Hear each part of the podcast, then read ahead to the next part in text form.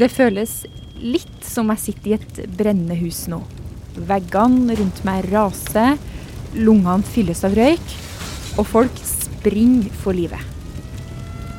For FN har trykka på alarmknappen. Det er 2000 år siden havet steg så raskt som nå. Økosystemer kan kollapse, og ekstremvær driver mennesker på flukt over hele verden. Det er sykdomstegn i hver eneste krik og krok av planeten vår. Og det er oss, vi menneskene, som har skylda. Så hva gjør vi nå? Finnes det egentlig noe håp? Akkurat det skal du få svar på her i Forklart fra Aftenposten. Jeg er Marit Eriksdatter Gjelland, og i dag er det onsdag 11. august.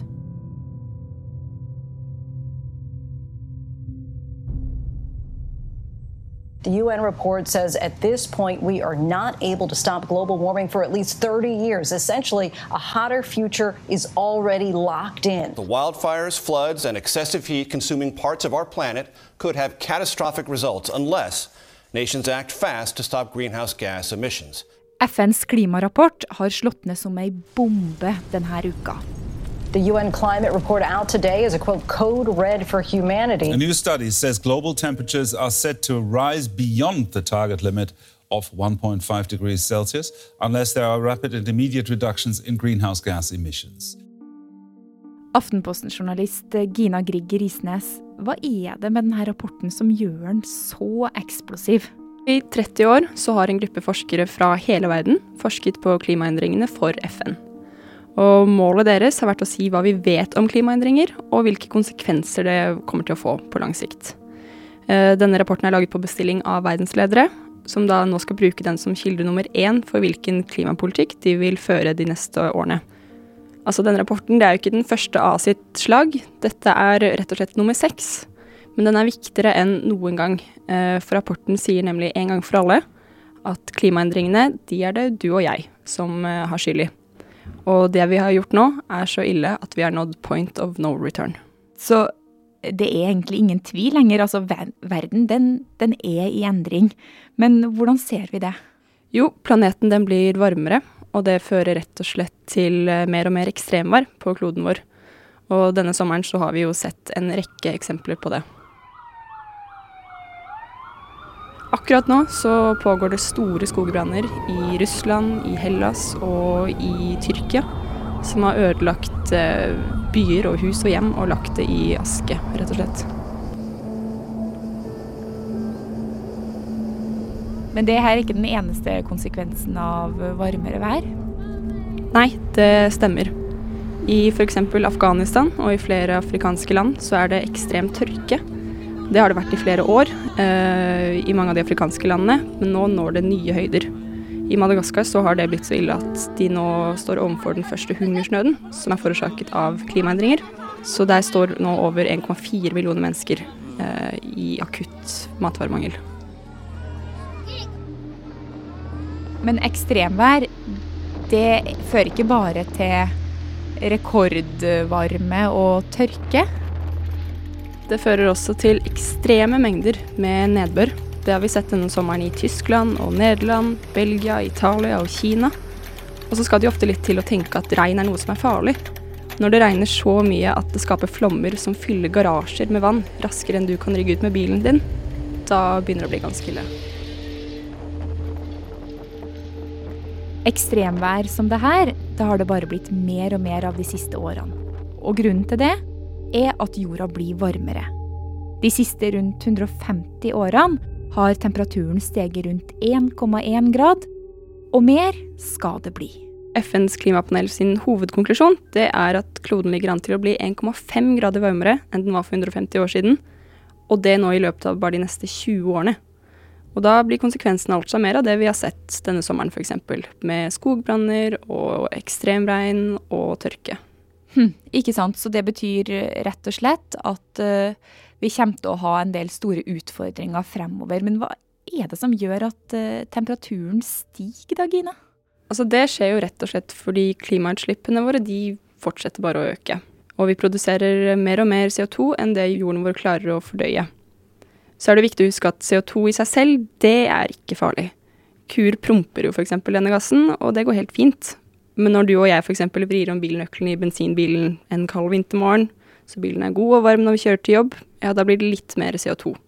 Og når milliarder av mennesker gjør akkurat det samme, pluss alt det andre som kullkraftverk og olje- og gassektoren og annen tungindustri som slipper ut enorme mengder med CO2, ja, da blir det altfor mye.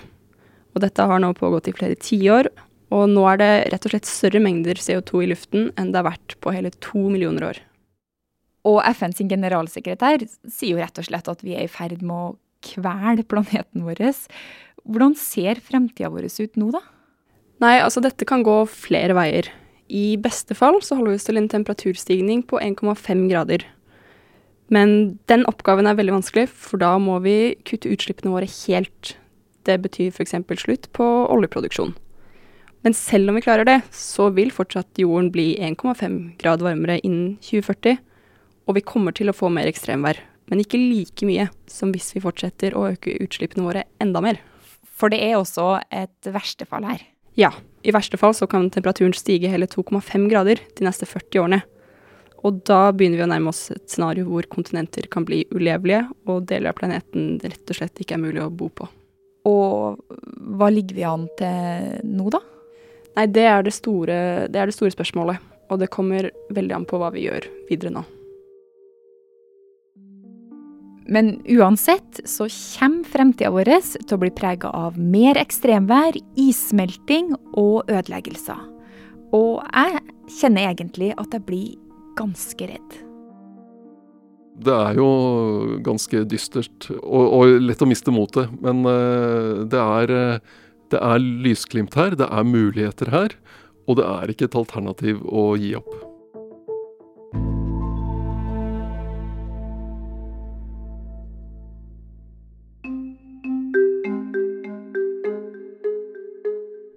Da FNs klimapanel la fram funnene sine denne uka, så fulgte hele verden med. Og budskapet til lederen for FNs miljøprogram, Inger Andersen, det var klart. We can't undo the mistakes of the past, but this generation of political and business leaders, this generation of conscious citizens, can make things right. Climate change is here now, but we are also here now. And if we don't act, who will? Thank you.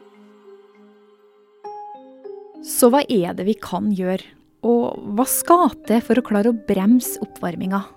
Det skal veldig veldig mye til å greie å stanse klimaendringene på 1,5 grader, men den rapporten viser jo at det er mulig. Kjetil Alstheim, du er jo politisk redaktør her i Aftenposten, og da kanskje ikke helt pessimist ennå, i hvert fall. Eh, hvorfor er det noen ting i dagens samfunn som gir oss grunn til å ha troa? Det, det, er jo litt vanskelig å, å, se veldig lyst på situasjonen.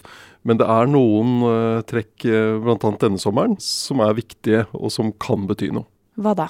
Det ene er, det har vært et par store møter. Det ene med G7-landene, de store vestlige demokratiene. Som i slutterklæringen der slo fast at de vil prøve å, å greie 1,5-gradersmålet.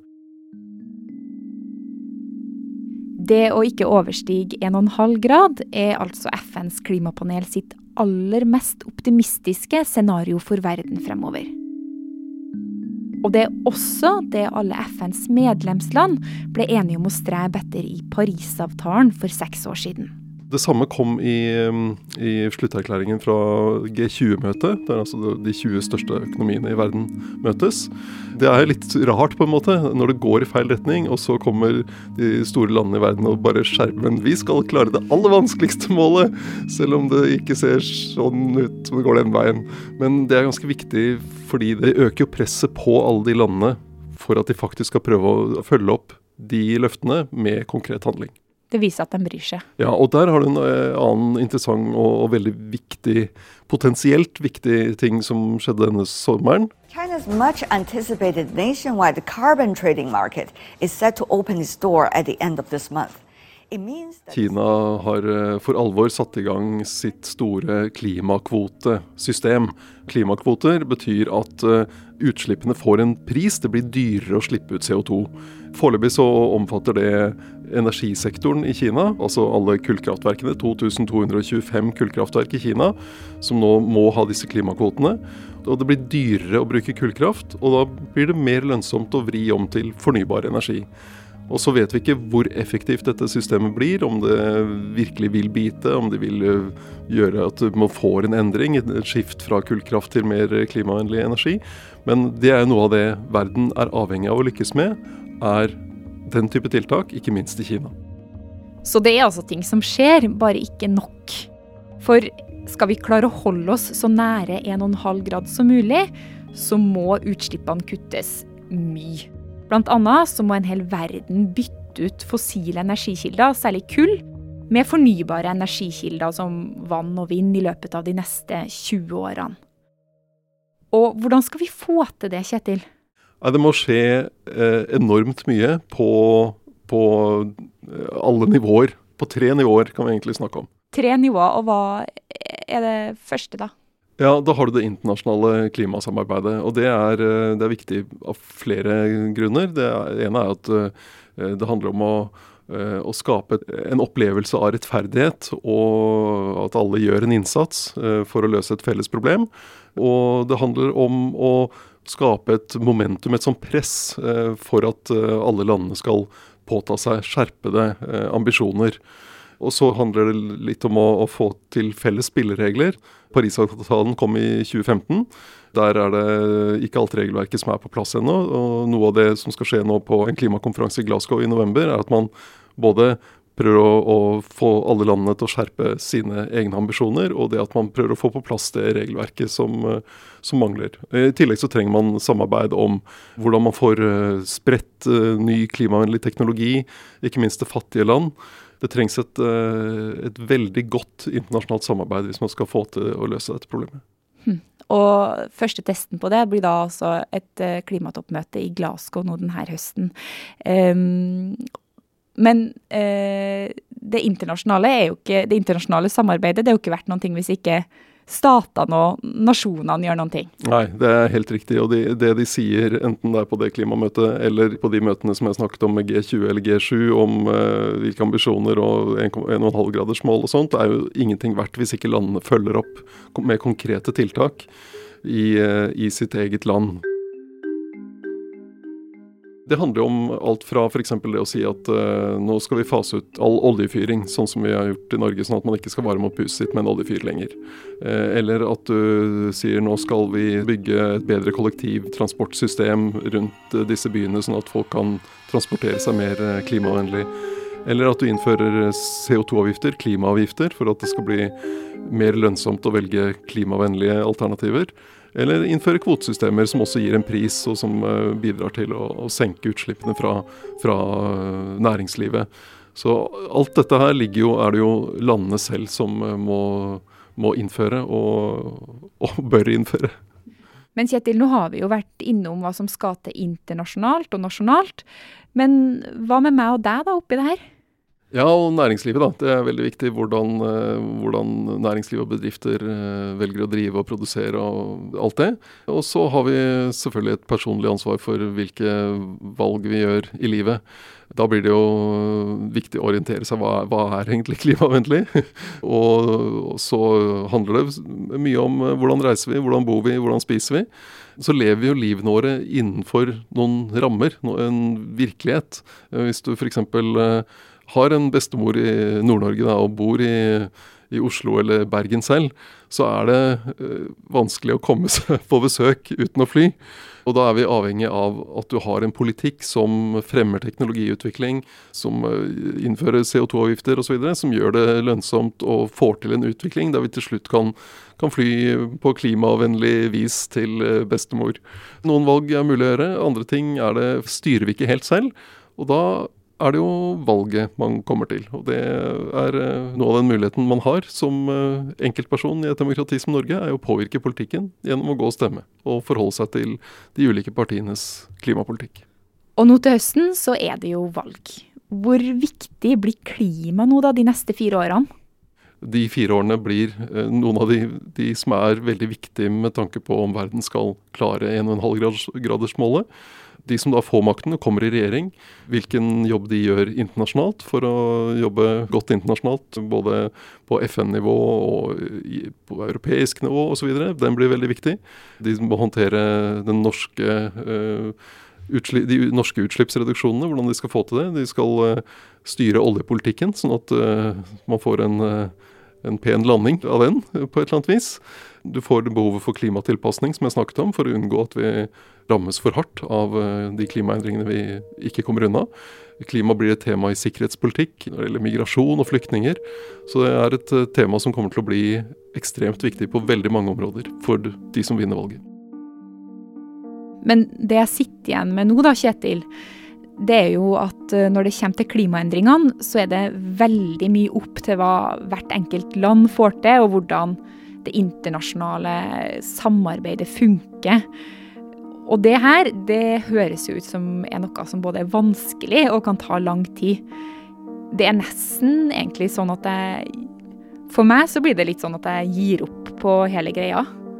Det overordnede her er at selv om det å greie å stanse klimaendringene på 1,5 grad, det skal veldig, veldig mye til. Men altså, 1,6 er bedre enn 1,7, og 1,7 grader er bedre enn 1,8. Sånn at uh, all innsats trengs her. Og alt, alle tideler man kan greie å holde igjen her på temperaturoppvarmingen, kan være svært viktig, slik som den rapporten fra FNs klimapanel viser.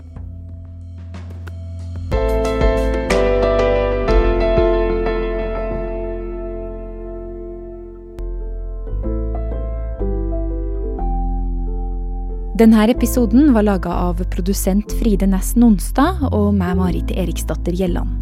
Resten av Forklart er David Vekoni, Anne Lindholm, Andreas Bakke Foss, Ina Swann, Peter Daatland og Guri Leiel Skedsmo. Du har hørt lyd fra CBS, ABC, Deutsche Welle, CGTN og FN.